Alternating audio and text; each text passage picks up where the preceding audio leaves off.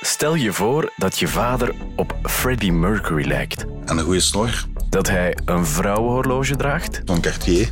met een BMW rondrijdt Het feit dat hem toch wel een deel auto's op elkaar heeft gereden eh, onder invloed.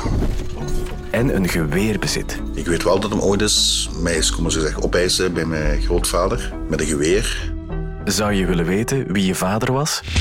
Ik ben Kenneth Bert, radiomaker en in de podcast Zo Geboren help ik Raf om een antwoord te vinden op zijn vraag. Waarom wilde papa een kind?